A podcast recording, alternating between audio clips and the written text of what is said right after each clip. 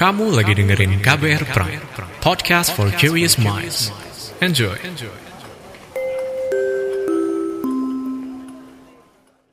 Sudah sejak lama bahwa seni dan budaya punya keterikatan yang erat dengan alam. Nah, hal ini membawa peran penting bagi para pelaku seni dalam menyuarakan kelestarian lingkungan lewat dunia kreatif. Lantas, seberapa terjal sih perjalanan pelaku seni kreatif dalam menyuarakan kepedulian terhadap lingkungan dan juga untuk generasi mendatang? Dalam podcast Jurus Anti Punah, podcast berseri untuk kamu yang belum siap punah. Jurus Anti Punah, podcast berseri untuk kamu yang belum siap punah.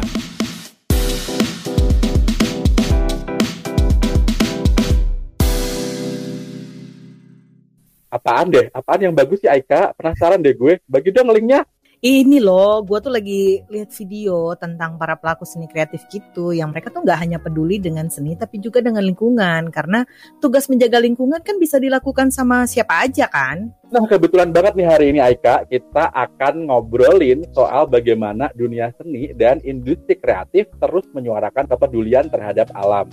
Kita sudah kehadiran ada Gede Robi dari Navikula, seorang musisi, dan Rahmat Panigoro, pegiat ekonomi kreatif dari Kabupaten Bone Bolango.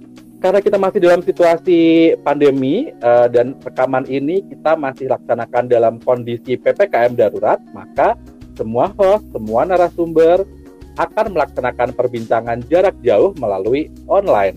Mohon maaf jika kualitas audio menurun dibanding dengan episode-episode kita sebelumnya. Halo Beli Robi, Pak Rahmat, apa kabar? Baik. Baik.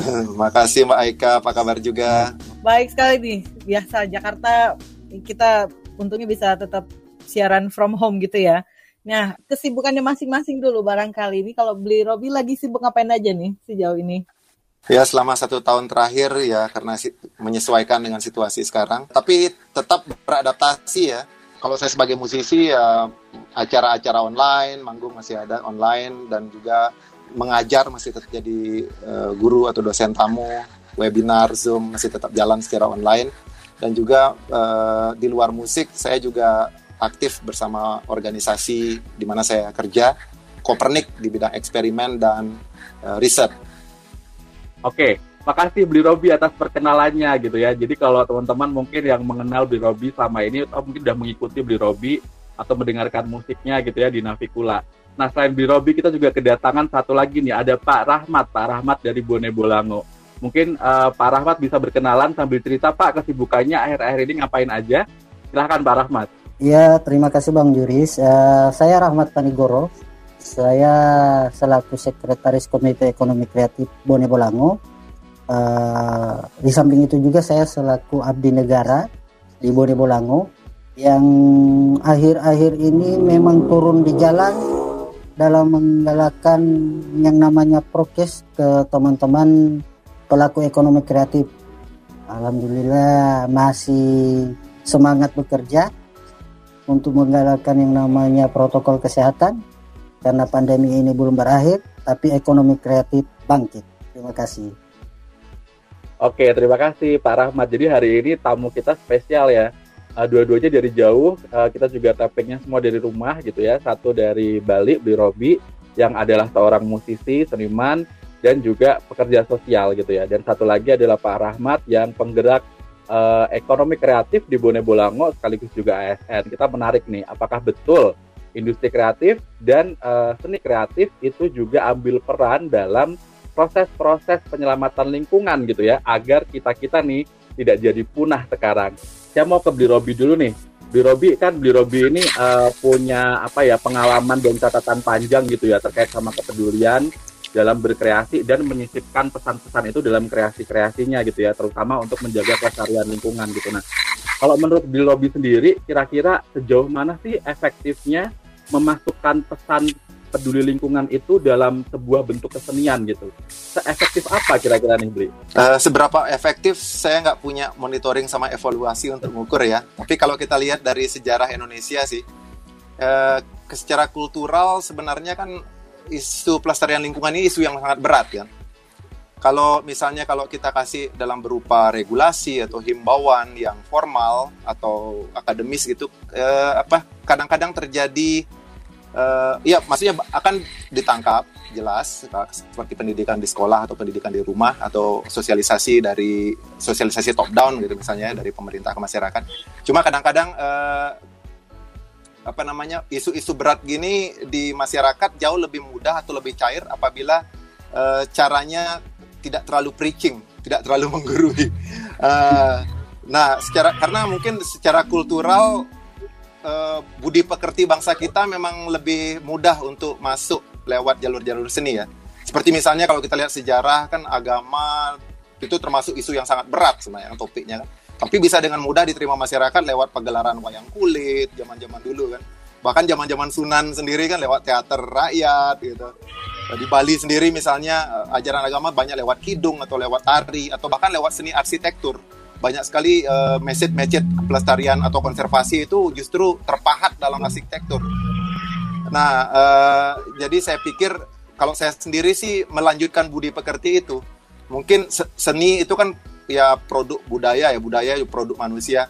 Uh, sekarang mungkin karena saya suka musik rock juga. Sekarang dengan musik kontemporer modern, jadi saya pikir ya sebenarnya spiritnya sama, melanjutkan budi pekerti, melanjutkan apa uh, edukasi non formal lewat seni, cuma mungkin sekarang caranya lewat musik modern gitu. Tapi spiritnya sama gitu, cuma medianya aja lebih kontemporer. Menarik ya. Kayak memang karena apa uh, musik itu bahasa yang universal gitu ya. Jadi kalau kita ngomongin soal, soal lewat musik gitu hopefully orang-orang lebih mudah menerimanya gitu ya. Gimana ya, Kak Ika? Betul. Ya kalau aku juga ngelihatnya gini satu sisi kan misalnya nih kalau berkreasi juga kan kadang-kadang bisa jadi jalan buat nyari cuan nih beli. Mm-hmm. Nah gimana nih caranya nih merengkuh dua hal yang kadang mungkin orang anggap anggapnya tuh kayak bertolak belakang antara ekonomi hmm. dan kesejahteraan lingkungan. Nah itu kayak gimana tuh? Iya. Oh, tadi saya nambahin lagi dikit ya. Mungkin sekarang juga udah multimedia ya. Jadi sekarang saya sendiri lewat uh, film karena audio sama visualnya gabung itu. Uh, sama kayak blog itu dulunya cuma blog tulisan sekarang video blog sekarang podcast gitu. Nah anyway uh, yang tadi Mbak Eka bilang ini kan pelestarian lingkungan anggaplah idealisme kan Sementara uh, di satu sisi musik atau film atau dunia hiburan atau entertainment ini juga adalah industri ya, bisnis gitu. Jadi entrepreneurship, kewirausahaan. Nah, kadang-kadang dua hal ini kan selalu kesannya kayak dua hal yang kubu apa kutub utara kutub selatan ya. Uh, idealisme dan entrepreneurship dan bisnis. Tapi sebenarnya ada perekatnya dua hal ini di tengah-tengah. Namanya kreativitas. Makanya uh, uh, di negara kita sangat digalakkan sekali dalam 10 satu dekade terakhir industri kreatif bukan cuma kreativitas di orang-orang kreatif juga tapi kreativitas di mana pun di dunia akademis, di dunia pemerintahan pun sebenarnya sangat dibutuhkan kreativitas. Karena kreativitas ini adalah lem antara dua hal yang tadinya kesannya tidak berjalan berbarengan ya, idealisme dan bisnis. Nah, kalau saya sendiri sih uh, punya opini sendiri tentang pelestarian lingkungan dengan ekonomi bisnis tadi itu. Kalau banyak, misalnya kalau kita dengar sekarang kan selalu pilih mana nih, ekonomi atau pelestarian lingkungan. Kesannya dua hal, tapi menurut saya sih, kalau dari yang saya pelajari atau saya pahami lewat pelajaran formal gitu, tindakan ekonomi adalah tindakan manusia untuk mencapai kemakmuran kan kesejahteraan gitu. Nah, kemakmuran ini sesuai buku ekonomi sekolah SMP adalah suatu kondisi di mana uh, kebutuhan hidup manusia terpenuhi. Ya. Nah, kebutuhan ini kalau kita pecah-pecah ada macam-macam, tertier, sekunder, primer. Dari semua kebutuhan ini kalau kita mau ringkas yang paling primer adalah sandang pangan papan kan. Yang paling penting. Sekarang plus pulsa lagi sekarang. Nah, nah, yang paling primer dari primer ini kan pangan kan. Pokoknya tanpa pangan, tanpa air itu udah pasti kayak udah udah udah itu udah paling primer dan primer. Nah, pangan kita ini tumbuh dari mana? Tumbuh dari alam kan, dari tanah, dari air, dari laut gitu. Nah, kalau tindakan ekonomi itu menghancurkan alam, berarti saya pikir ada semacam kontraproduktif. Uh, jadi saya selalu semacam kurang setuju apabila terjadi perbandingan pilih mana ekonomi atau pelestarian alam karena menurut saya tindakan ekonomi harus melestarikan alam kalau dari pemahaman yang saya paparkan tadi. Jadi apa pun yang kita lakukan, mau musik, itu tindakan ekonomi, ya sebisa mungkin yang kita lakukan itu adalah passion kita, kan what we love. Kita di bidang politik, di bidang akademi, olahraga, entertainment, media, apa pun hobi kita, syukurlah kalau orang punya pekerjaan sesuai hobi ya. Apa pun hobi kita what we love, tetap kita masukkan what we care. Nah, menurut saya kalau kita sepakat dengan bahwa semua kegiatan ekonomi apa pun profesinya harus melestarikan lingkungan karena tadi itu bahwa itu adalah satu hal yang tidak bisa dipisahkan. Jadi sebisa mungkin eh, kegiatan ekonomi kita jangan sampai merusak lingkungan biar tidak kontraproduktif gitu. Jadi kalau saya ekonomi saya adalah lewat mengajar atau lewat entertainment, saya akan menggunakan my passion, what I love dengan memasukkan what I care gitu. Karena saya pikir dua hal itu tidak bisa dipisahin. Ya, sepakat banget sih sama beli Robi ya, karena memang ekonomi sama lingkungan itu sebenarnya bukan harus dibenturkan dan jadi pilihan, tapi memang harus jalan bareng-bareng gitu ya, menjaga alam, menyelenggarakan ekonomi untuk manusia biar nggak punah itu kunci gitu. Nah, ini menarik banget ya. Tadi kalau apa eh, dari beli Robi gitu, beli Robi tadi bilang bahwa kreativitas adalah lem gitu ya sebetulnya ya. Dan kreativitas ini tidak cuma dimiliki sama teman-teman eh, seniman aja, musisi atau filmmaker atau penulis gitu ya. Tapi kreativitas juga harus dimiliki sama teman-teman termasuk di eh, lembaga pemerintahan gitu. Nah, kalau dari Pak Rahmat sendiri, kira-kira di Bone Bolango ini kan eh, apa namanya Pak Rahmat sebagai salah satu yang menggiatkan industri kreatif gitu ya dan ekonomi kreatif di sana. Gimana keadaan di sana Pak? Apakah betul kreativitas itu adalah lem? Atau ada pendapat lain mungkin? Silahkan Pak Rahmat. Iya, eh, kalau di Bone Bolango sendiri, eh, industri kreativitas itu sama dengan yang disampaikan oleh Pak Bli Robi tadi. Itu adalah lem, karena di kita memang untuk menggali potensi generasi muda untuk terjun ke industri kreatif itu memang eh, pada dasarnya pada pa- para gener- generasi muda kita ini memang sudah pada kreatif, cuma memang kemarin-kemarin itu di tahun-tahun sebelumnya itu teman-teman milenial itu belum ada wadah yang menampung mereka. Nah, eh, di tahun 2019 kemarin alhamdulillah kita di Bone Bolango sudah terbentuk komite ekonomi kreatif. Ini yang menjadi wadah teman-teman milenial untuk eh, memberikan ide-ide kreatif dalam 17 subsektor yang ada di ekonomi kreatif. Memang kita di Bone Bolango ini masih baru. Kemarin kita hanya gaungnya di destinasi wisata. Nah, di tahun-tahun 2019 ke di sampai dengan sekarang ini kita gaungnya adalah ekonomi kreatif. Makanya kita di Bone Bolango ini khususnya di Gorontalo kita ini memang masih baru sebenarnya. Cuman alhamdulillah kita dengan dukungan pemerintah daerah kita dan para eh, pelaku ekonomi kreatif khususnya generasi muda itu sudah bisa terbuka wawasannya tentang bagaimana memajukan ekonomi kreatif di daerah seperti itu bang. Oke, tadi sempat disinggung oleh Pak Rahmat juga soal pariwisata ya Pak ya yang didorong di Bone Bolango ini. Nah lebih detailnya seperti apa Pak? Apa aja yang didorong? Antusiasme anak mudanya sekarang setelah berjalan, apakah jauh lebih baik gitu atau bagaimana? Dan kalau penguatan ekonomi kreatif di Bone Bolango sendiri, eh, nah apalagi di pandemi ini seperti Iya, apa Pak? ah, sebelumnya kan di ekonomi kreatif itu kita mengenal 17 subsektor.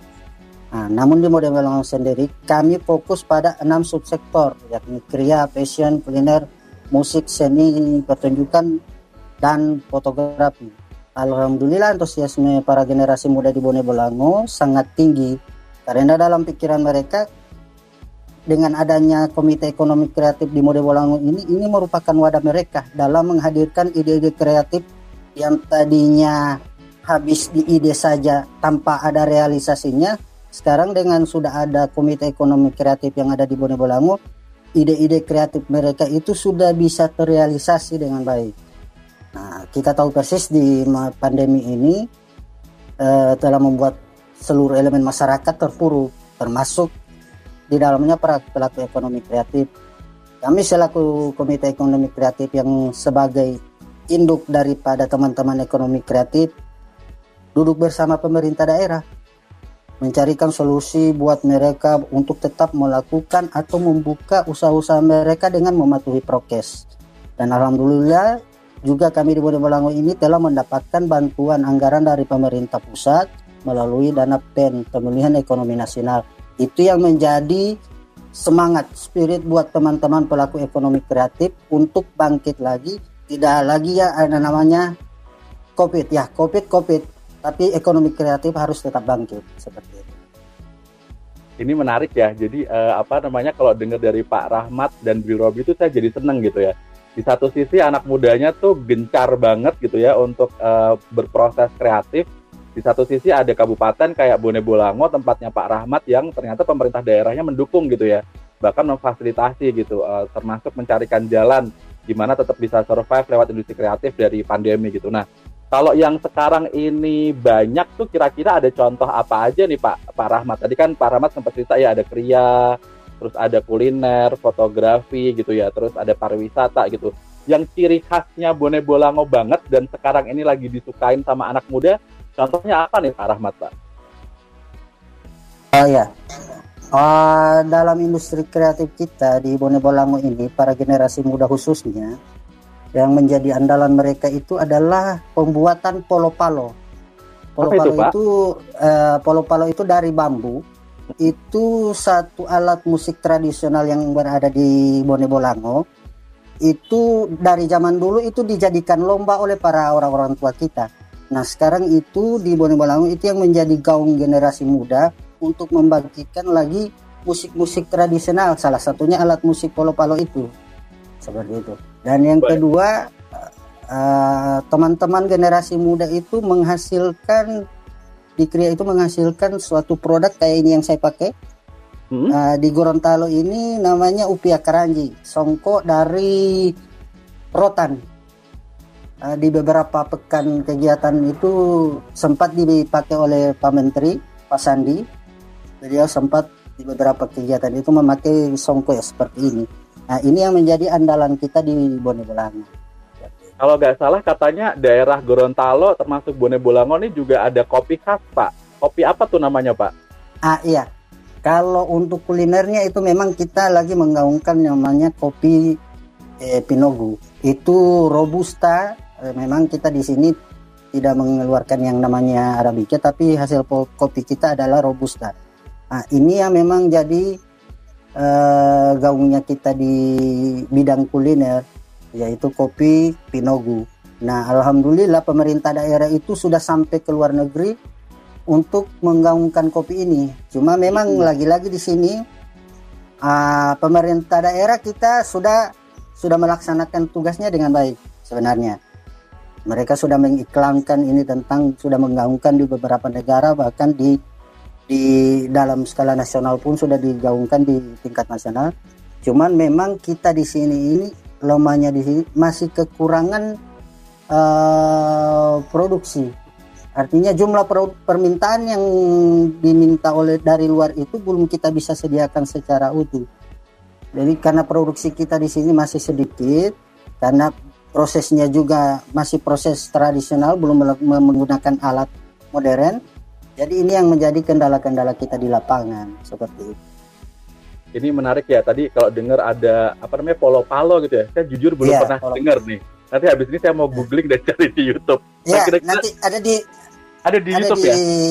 Iya, ada. Oke, ada, nanti ada. habis ini saya sama Aika mau googling. Tapi kira-kira beli Robi tertarik gak deh untuk kolaborasi itu? Ada alat musik yang mungkin beli Robi nggak tahu nih. Robi udah pernah dengar belum ya? Polo palo, ini menarik loh. Saya baru dengar nih. Iya, ya terbuka sekali. Saya kebetulan juga saya pernah ke Gorontalo juga dan ber, apa namanya uh, di kotanya jadi ya banyak teman-teman atau jaringan kerja kita sama teman-teman muda kreatif di situ. Ya menarik saya penggemar kopi Pinogu karena memang suka kopi itu itu dari zaman Belanda dulu ya dari zamannya Robusta Liberica dulu udah kopi Pinogus yeah. terkenal ya. Iya. Seru nih kalau ngomong kopi-kopian ya. Kak Juna sudah nyobain belum nih? udah kalau Pinogu kebetulan udah dan apa uh, Sulawesi itu kopinya kan emang enak-enak ya ada Pinogu oh. ada yang mungkin yang orang udah familiar kan Toraja tapi juga saya pernah nyobain tuh satu lagi namanya kopi Toratima kalau di Bali tempatnya beli apa beli Robi ada kopi yang di dari luak gitu ya kalau Toratima ini yang metik kus-kus Kus, Jadi itu di kopi-kopi Sulawesi ini memang rasanya selain enak-enak juga unik-unik gitu ya. Kalau Kak Aika gimana di Kak Aika?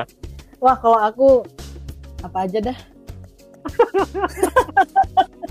Tapi nih kembali lagi lagi ke beli Robi kalau tadi kita ngomongin kopi pokoknya kan yang namanya kekayaan uh, di bidang kreatif tuh banyak banget gitu ya nah tapi dalam hal bermusik misalnya apa sih sebenarnya yang masih jadi tantangan atau kendala yang apa namanya yang membuat khususnya dalam mengangkat pesan-pesan soal kebaikan alam tuh masih kayaknya belum tersampaikan seutuhnya gitu. Nah, kalau misalnya kalau musik itu lekat dengan apa yang tren ya. Misalnya hmm. uh, musik atau pergerakan musik, industri musik itu selalu tidak lepas daripada entah itu fashion atau apa itu tren dan dukungan dari media. Nah, tren ini hmm. kalau saya kita pikir uh, mungkin lima tahun terakhir mulai gencar ya Eh, dari teman-teman media, dari film-film dokumenter. Kalau kita lihat di bioskop dulu kan susah banget film dokumenter masuk. Bahkan waktu saya kemarin bikin film Pulau Plastik dokumenter itu dari sejak Indonesia merdeka dengan industri film sebanyak ini, sebesar ini di Indonesia, uh, film Pulau Plastik saya itu baru film dokumenter ke-12 yang masuk bioskop. uh, jadi kan uh, ya masih mungkin uh, masih ya tapi sudah mulai gitu. Uh, jadi tren ini sebenarnya bisa dibentuk dengan dukungan semua orang membicarakan isu ini. Semua orang menjadikan isu ini prioritas gitu. Karena memang seharusnya memang isu lingkungan menjadi isu prioritas karena apa? Karena di generasi kita kalau setiap revol setiap generasi kan punya revolusi atau topiknya sendiri-sendiri kan. Saya percaya bahwa isu lingkungan ini adalah topik yang sangat serius di generasi kita.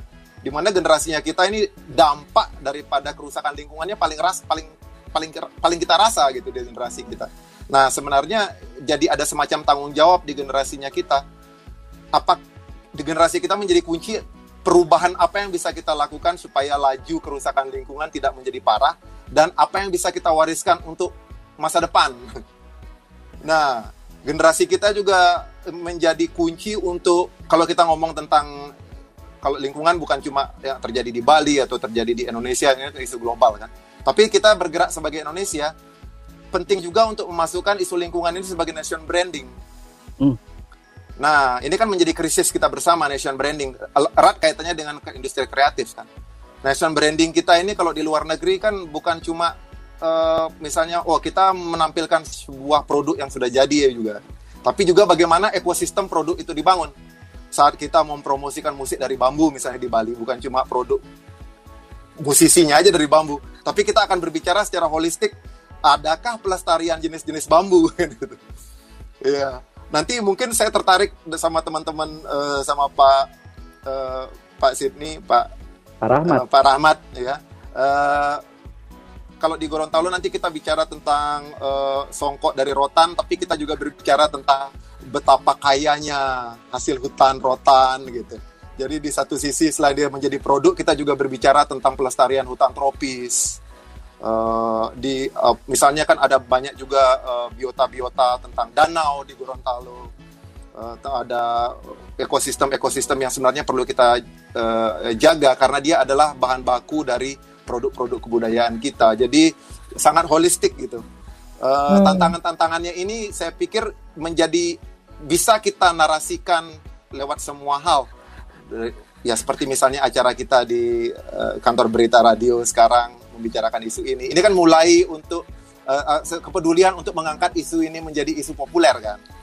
Jadi saya Betul. pikir tantangannya adalah dukungan semua elemen pemerintah, media, semua hal menjadikan isu ini skala prioritas, dia akan menjadi perbincangan publik dan begitu dia menjadi perbincangan publik, dia akan menarik perhatian bukan cuma anak muda tapi juga pemerintah. Uh, nah, pemerintah ini menjadikan ini skala prioritas sehingga anggaran-anggaran untuk mendukung ini pun juga persentasenya menjadi bertambah karena karena akan berpengaruh kan. Betapa pentingnya ini bukan cuma untuk kita melestarikan internal secara domestik tapi juga bisa menjadi nation branding. Bahwa semua produk-produk kesenian Indonesia ini karena alamnya Indonesia yang kaya makanannya Indonesia yang beragam karena alamnya yang kaya gitu. Karena bahan bakunya yang kaya.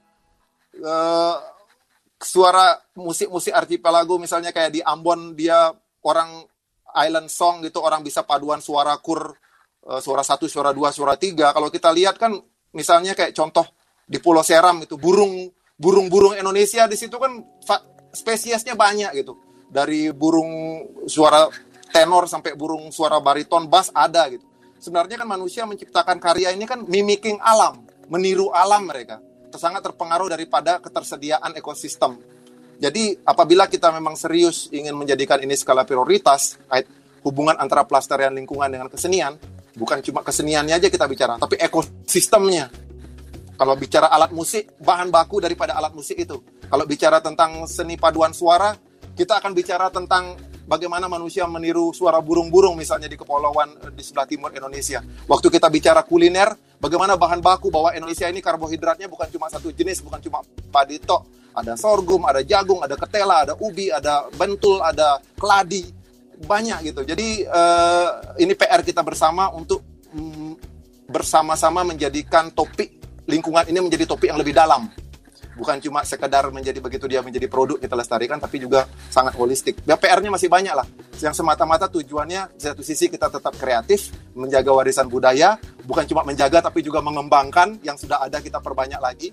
Yang berikutnya adalah dengan melestarikan lingkungan itu bisa menjadi nation branding Indonesia bahwa Indonesia ini kaya bukan cuma suku, agama, ras, bahasa, tapi juga keanekaragaman hayati yang mendukung produk-produk kita, seni kita gitu. Jadi ini masih PR-nya masih banyak nih. Nah, Tantangannya masih, situ masih sih. banyak banget. banget banget banget nah jadi itu Karena juga tadi yang- aku aku sempat Ah, kepikiran gimana? juga tadi kan Billy Robby juga sempat bilang bahwa misalnya kayak alat musik nggak cuma alat musiknya gitu ya, bagaimana rotannya gitu. Karena kebayang juga kak, kalau nanti rotannya punah udah nggak ada, sama aja nggak ada yang dijadikan alat musik juga gitu Betul. kan. Betul, betul. Itu ada banyak sekali, ada banyak contoh. Kalau kita cari di Sumatera Hmm. ada jenis drum, drum, drum atau uh, alat musik instrumen perkusi, pemainnya masih ada, yang buat masih hidup, bahan bakunya yang tidak ada. Ya. Karena beralih alih fungsi hutan dia kan produk uh, dari hutan kayu gitu. Hmm. Karena Adalah- convert dari polikultur menjadi uh, misalnya kayak pertanian skala besar yang monokultur itu pasti akan memunahkan bahan baku. Gitu.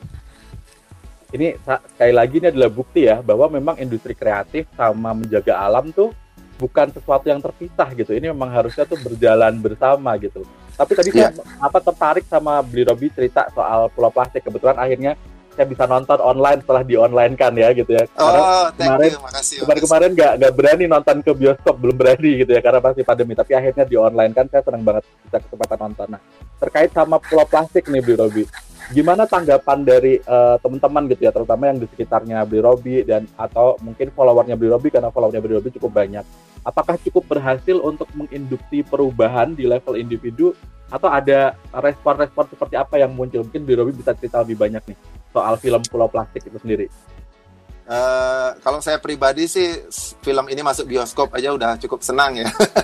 Thank you buat teman-teman di Visinema, buat Angga Sasongko, buat Hasan yang udah bantu ya.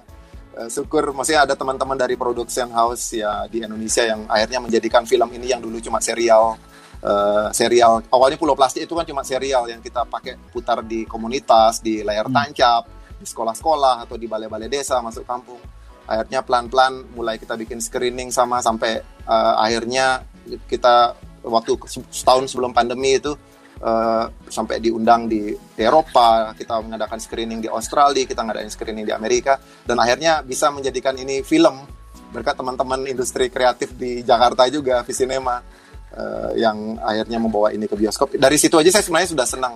Eh, seberapa ini impact eh, saya tidak begitu pak saya tidak begitu tahu. Tapi yang jelas eh, kita kan kalau bikin perubahan itu tidak cukup dari teman-teman NGO atau dari kita yang peduli aja peduli pada penggunaan plastik sekali pakai atau bijak berplastik itu scale skalanya kecil banget kan. Saya hanya percaya bahwa perubahan itu terjadi secara signifikan apabila tiga pihak yang terlibat. Masyarakat pemerintah lewat regulasi dan juga korporasi lewat eh, eh, misalnya redesign packaging, desain packaging packaging yang dulunya tidak ramah lingkungan diredesain. Karena saya percaya bahwa ada or- ada orang-orang baik, ada semua orang baik di semua instansi ini. Di masyarakat ada orang baik, di pemerintah ada orang baik, di korporasi yang kita cap korporasi gede perusak lingkungan pun sebenarnya ada orang-orang baik juga. Dan sebenarnya orang-orang baik ini adalah orang- orang-orang yang kita pikir mereka tidak ingin meru- merugikan orang lain, mereka tidak ingin merugikan lingkungan dan ingin berusaha sebisa mungkin dengan kapasitas mereka untuk untuk sama-sama jalan kan. Nah, kita mungkin Pulau Plastik ini udah mulai menyentuh apa namanya lingkup teman-teman yang peduli orang-orang baik ini yang duduk di pemerintahan kemarin dapat juga atensi dari mereka teman-teman di korporasi juga. Kita dapat banyak telepon dari korporasi untuk bagaimana bisa berkolaborasi membuat redesign packaging yang lebih ramah lingkungan dan juga partisipasi masyarakat. Uh, so far dari rilisnya Pulau Plastik bioskop sejak Februari kemarin masih positif. Kita okay, sebenarnya kita dapat beberapa screening juga. Kemarin dapat tawaran untuk di di pemutaran di Eropa Timur. Tapi nggak tahu gara-gara lockdown mungkin semua gara-gara pandemi semua schedule berubah ya. Tapi ya kita just ikuti the flow aja. Yang penting semua bisa jalan. So far so good sih. Ya menarik nih. Apalagi mungkin nanti mungkin bisa kerjasama nih sama Pak Rahmat. Karena Pak Rahmat di Bone Bulango ah, bisa iya. bikin screening nih di sana. Mungkin bisa ya Pak ya? dengan ya. senang hati dengan senang hati Pak Rahmat. Uh, uh, sudah kangen ini apa namanya uh, masakan Gorontalo juga. Waduh, saya juga nih. Semua tangan masakan pedas Ayo. Oke, kita ke uh, Pak Rahmat nih, Pak Rahmat. Siap. Nanti kita kayaknya habis habis ini ya, habis agak mereda nih pandemi, wah udah mulai bisa jalan-jalan lagi ya kan. Nah, ya. ini kalau terkait soal dunia seni yang berkelanjutan nih, Pak Rahmat. Kalau uh, menyorot soal perbaikan lingkungan. Kalau di Bone Bolongo sendiri di Gorontalo, isu apa sih yang paling uh, perlu diangkat gitu untuk menggunakan pendekatan seni ini, Pak? Kalau untuk isu ya kita memang di Bone Bolongo ini uh, masih dalam mencermati kemarin tapi kemarin kita turun dengan dinas parekraf Bone Bolango untuk uh, memajukan desa eh, tempat-tempat wisata yang ada di Bone Bolango. Kemarin kita sudah mengundang tim-tim ahli untuk menjadikan desa wisata jadi geopark seperti itu. Makanya kita ini masih meramu untuk isu-isu ini kita jujur di Bone Bolango ini memang yang masih digaungkan sebenarnya ini masih wisatanya karena di, di, di kita ini masih eh, ada Taman Laut Olele, ada air terjun di Lohua, Lombongo dan lain sebagainya. Ini yang menjadi ikonik Bonde Bolango. Di ekonomi kreatif itu kita masuk di situ di di setiap destinasi wisata para pelaku pelaku ekonomi para para pelaku ekonomi kreatif itu masuk di situ di setiap eh, destinasi eh, destinasi wisata. Cuman karena dalam keadaan pandemi ini sekarang ini Nah, ini yang menjadi beban moral buat kita karena mau tidak mau kita harus perlakukan protokol kesehatan. Cuman tetap dengan uh, membangkitkan para teman-teman pelaku ekonomi kreatif di beberapa pekan kemarin kita memang mengalami namanya penurunan karena ada miskomunikasi. Tapi alhamdulillah di minggu-minggu uh, kedua terakhir ini kita sudah mendapat uh, formulasi untuk teman-teman ekonomi kreatif dengan mereka dari pagi sampai jam 10 malam pun dengan perlakuan protokol kesehatan yang sangat ketat jadi pemerintah daerah tidak main-main walaupun kita di, di Gorontalo khususnya Bone Bolango tidak masuk dalam PPKM darurat tapi kita tetap menerapkan prokes yang sangat ketat. Oke, Pak Rahmat ini kalau masih soal uh, tadi kan kita singgung banyak soal pariwisata gitu ya. Jadi mungkin di kita lihat juga nih yang terus dilakukan oleh teman-teman Bone Bolango untuk menyuarakan pariwisata tetapi di satu sisi juga tetap menjaga lingkungan, melestarikan lingkungan. Gimana tuh, Pak? Memang di kita untuk dalam penjagaan lingkungan ini memang ini yang menjadi target utama kita. Jangan kita me meningkatkan pariwisata tapi kita menapikan yang namanya pelestarian lingkungan. Nah di Bone Bolango sendiri kita sering menggaungkan itu.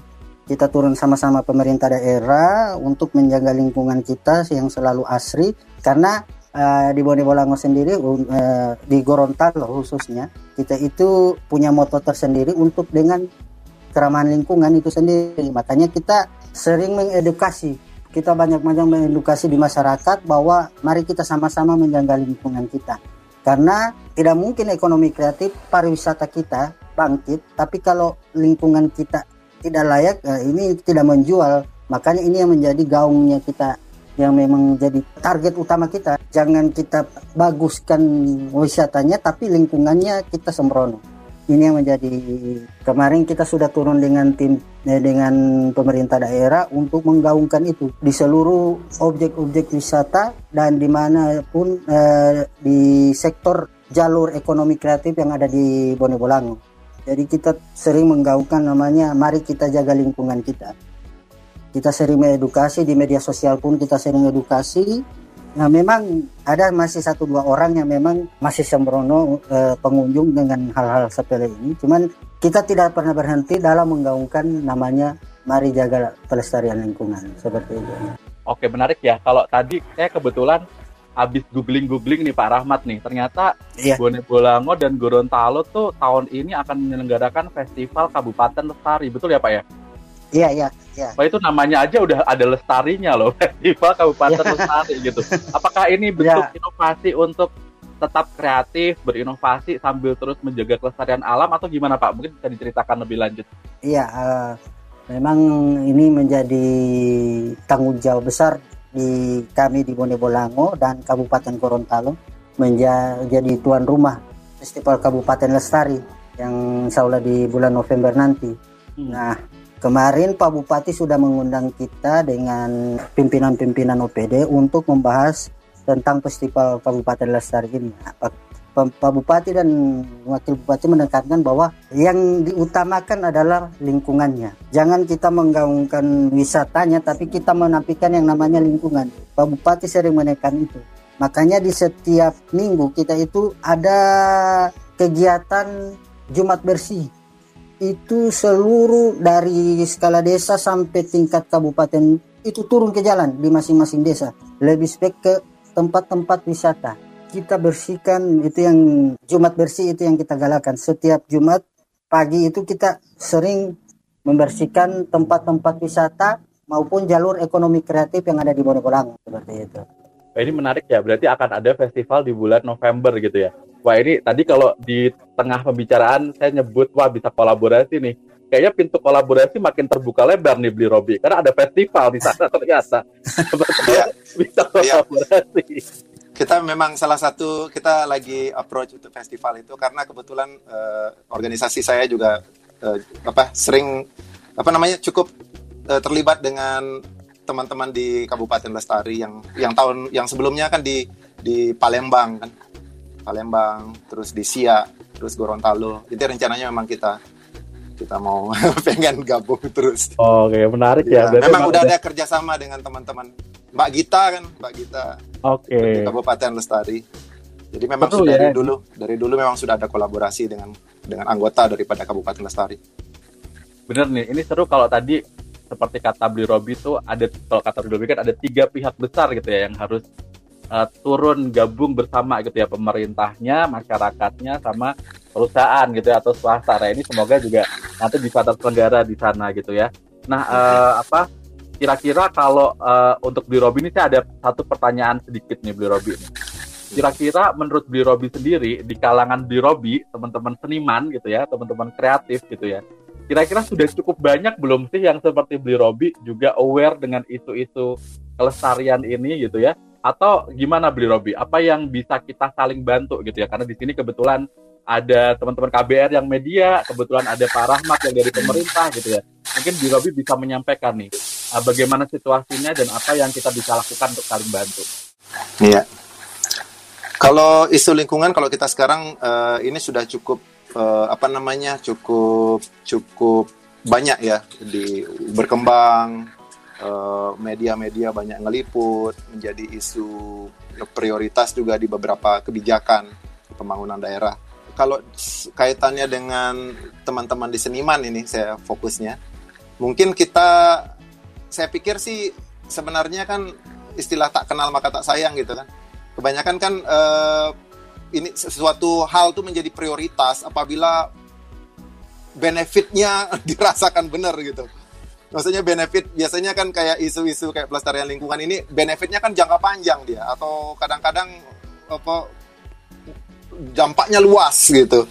Sehingga kalau ini tidak bersentuhan langsung dengan kita kadang-kadang eh, kita melakukannya juga setengah-setengah karena wah ngapain aku ngomongin tentang deforestasi di Kalimantan gitu apa kaitannya dengan di Bali gitu Nah, tapi kalau kita berpikir secara integral, deforestasi akan mengakibatkan peningkatan suhu, peningkatan suhu naik dua derajat aja akan membuat laut menjadi uh, suhu laut naik dua derajat aja itu bisa membunuh terumbu karang. Nah, kita di Bali yang jualan snorkeling di Bunaken jualan snorkeling itu terumbu karangnya akan terjadi coral bleaching, terumbu karang mati. Kita mau jual apa di industri pariwisata padahal hanya gara-gara dari deforestasi yang terjadi di Kalimantan gitu. Jadi semakin kita integral berpikir, semakin kita care bahwa dampak daripada isu lingkungan yang terjadi di, di bagian mana pun di dunia itu akan berpengaruh pada kita. Kita akan berpikir bahwa apa pun yang kita lakukan juga akan berpengaruh secara global. Misalnya kayak kita buang puntung rokok, nah ini kan cuma buang di selokan depan rumah. Apa apa bahayanya gitu? Iya ternyata puntung itu mengalir ke laut, mengalir selokan, sungai, laut. Karena arus dia dibawa ke, ke Kepulauan Galapagos itu sampai di situ penyu tersedak mati. Eh, kan jadi efeknya sebenarnya kalau lingkungan ini dia sangat terintegrasi gitu. Cuma kadang-kadang eh, eh, perubahan iklim aja yang berdampak pada petani itu akan berpengaruh pada kedaulatan pangan kedaulatan pangan akan berpengaruh pada nutrisi nutrisi akan berpengaruh pada stunting. Empat daripada 10 anak di Indonesia mengalami stunting saat ini itu kan berpengaruh pada diet ya dan diet juga akan berpengaruh pada iklim gitu. Nah, hal-hal seperti ini kalau begitu dianggap penting dan ini akan menyentuh kualitas hidup kita, menyentuh standar kemakmuran kita. Nah, kalau ini sudah menyentuh otomatis ini akan menjadi uh, apa namanya uh, akan menjadi lebih digenjot sehingga uh, harapan kita di level seniman ini bukan lagi sekedar kayak ah ini topik yang menarik nih kalau aku bikinin lagu atau kita bikinin film, tapi memang benar-benar topik yang menyentuh kita sehingga action kita menjadi walk the talk atau pembahasannya kita menjadi lebih dalam. Nah, kalau kalau misalnya kita tidak terlalu dalam membahas dan dan akhirnya menjadi lebih populer daripada pembahasan yang mendalam, takutnya nanti terjadi skeptikal so, publik. Makanya istilah-istilah muncul kayak SJW gitu. Ah, lu SJW lu social justice warrior. Ini juga karena mungkin karena kelatahan kelatahan industri entertainment juga meng, dikit-dikit green, dikit-dikit green gitu kan. Padahal tidak tidak terlalu apa namanya? tidak terlalu uh, uh, uh, uh, uh, dalam juga apa yang dibahas gitu. Kasihan topiknya gitu. Sehingga masyarakat jadi kadung mana ya terlanjur akhirnya skeptikal. Ah ini cuma cuma cuma just uh, apa namanya ngomongin topik yang tren aja gitu. Nah, kita tidak ingin ini. Kita ingin bahwa benar-benar teman-teman seniman waktu menyuarakan ini benar-benar paham dengan topiknya, benar-benar secara hati nurani kena gitu. Sama kayak kita mengamalkan ibadah ajaran agama ya. Kita menjadi lebih lebih beriman dan bertakwa gitu bukan cuma sekedar narasi apabila kita secara, secara itu dari nurani kan itu tidak bisa di fake gitu jadi walk seniman juga harapannya saya sih untuk membuat isu ini menjadi lebih kena di masyarakat. Ya senimannya sendiri memang harus walk the talk. Memang believe what they say.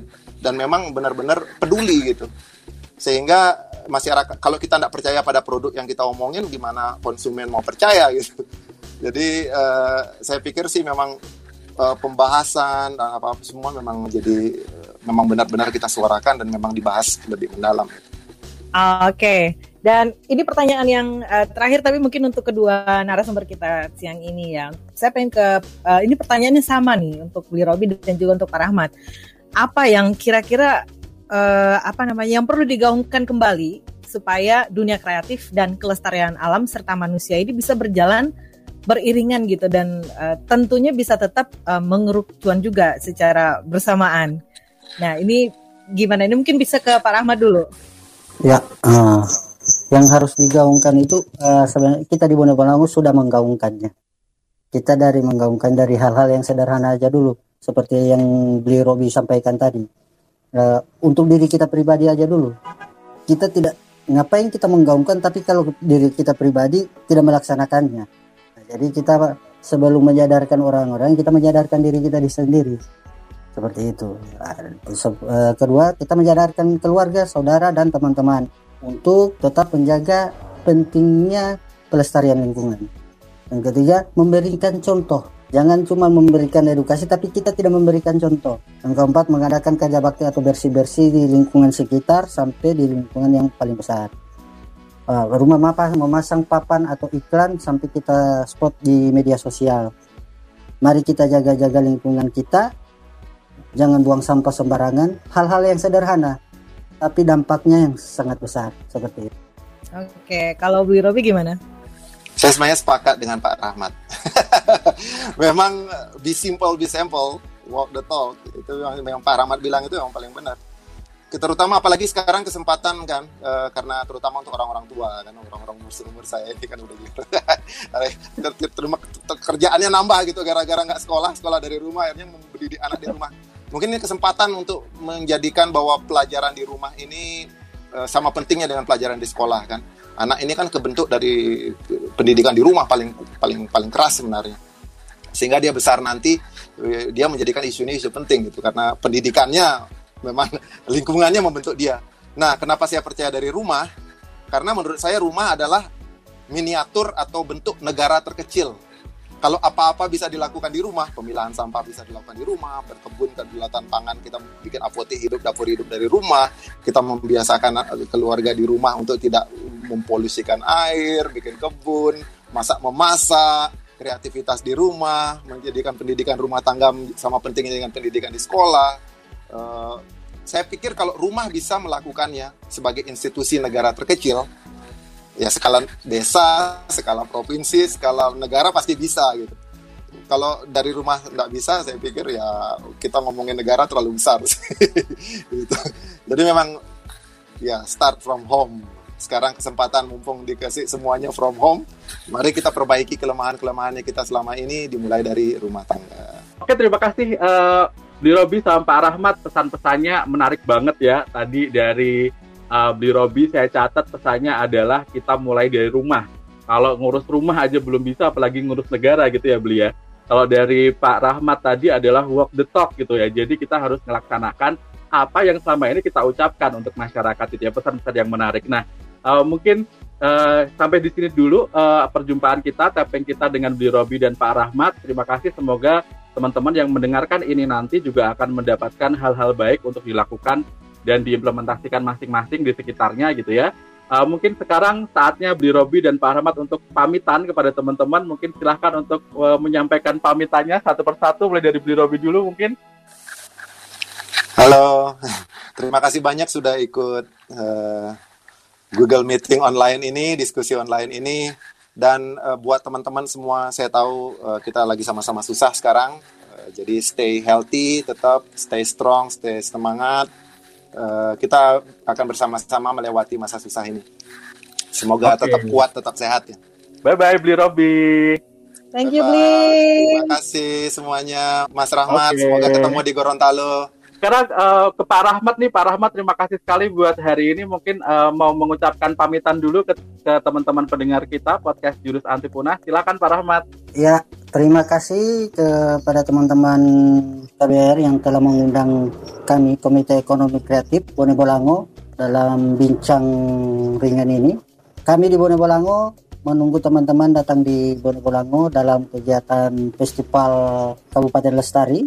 Jangan lupa datang ya, beli Robi, Bang Juris, Baika dan teman-teman lain harus datang. Oke, okay? terima kasih. Salam kreatif. Salam kreatif. Terima kasih Pak Rahmat terima ya. Terima kasih Pak Rahmat. Jurus Anti Punah, podcast berseri untuk kamu yang belum siap punah. Wah, ternyata bisa juga ya dunia seni kreatif konsisten menyuarakan kebaikan alam ya asal ada kemauan dan tentunya dilakukan secara konsisten ya nggak sih?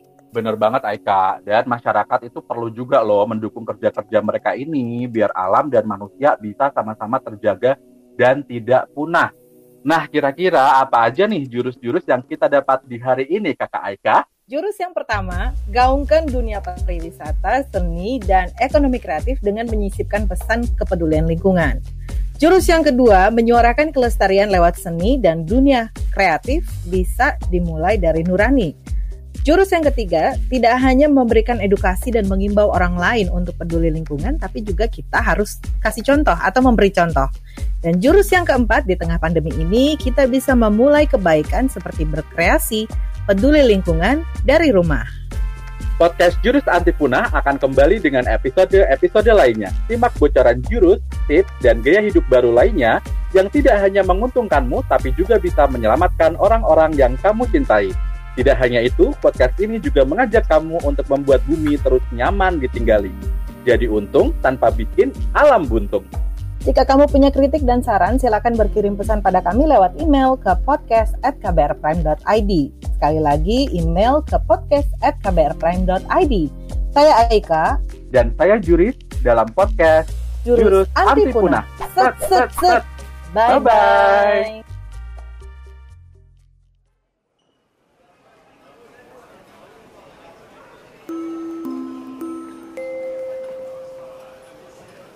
Terima kasih sudah mendengarkan KBR Prime, podcast for curious minds.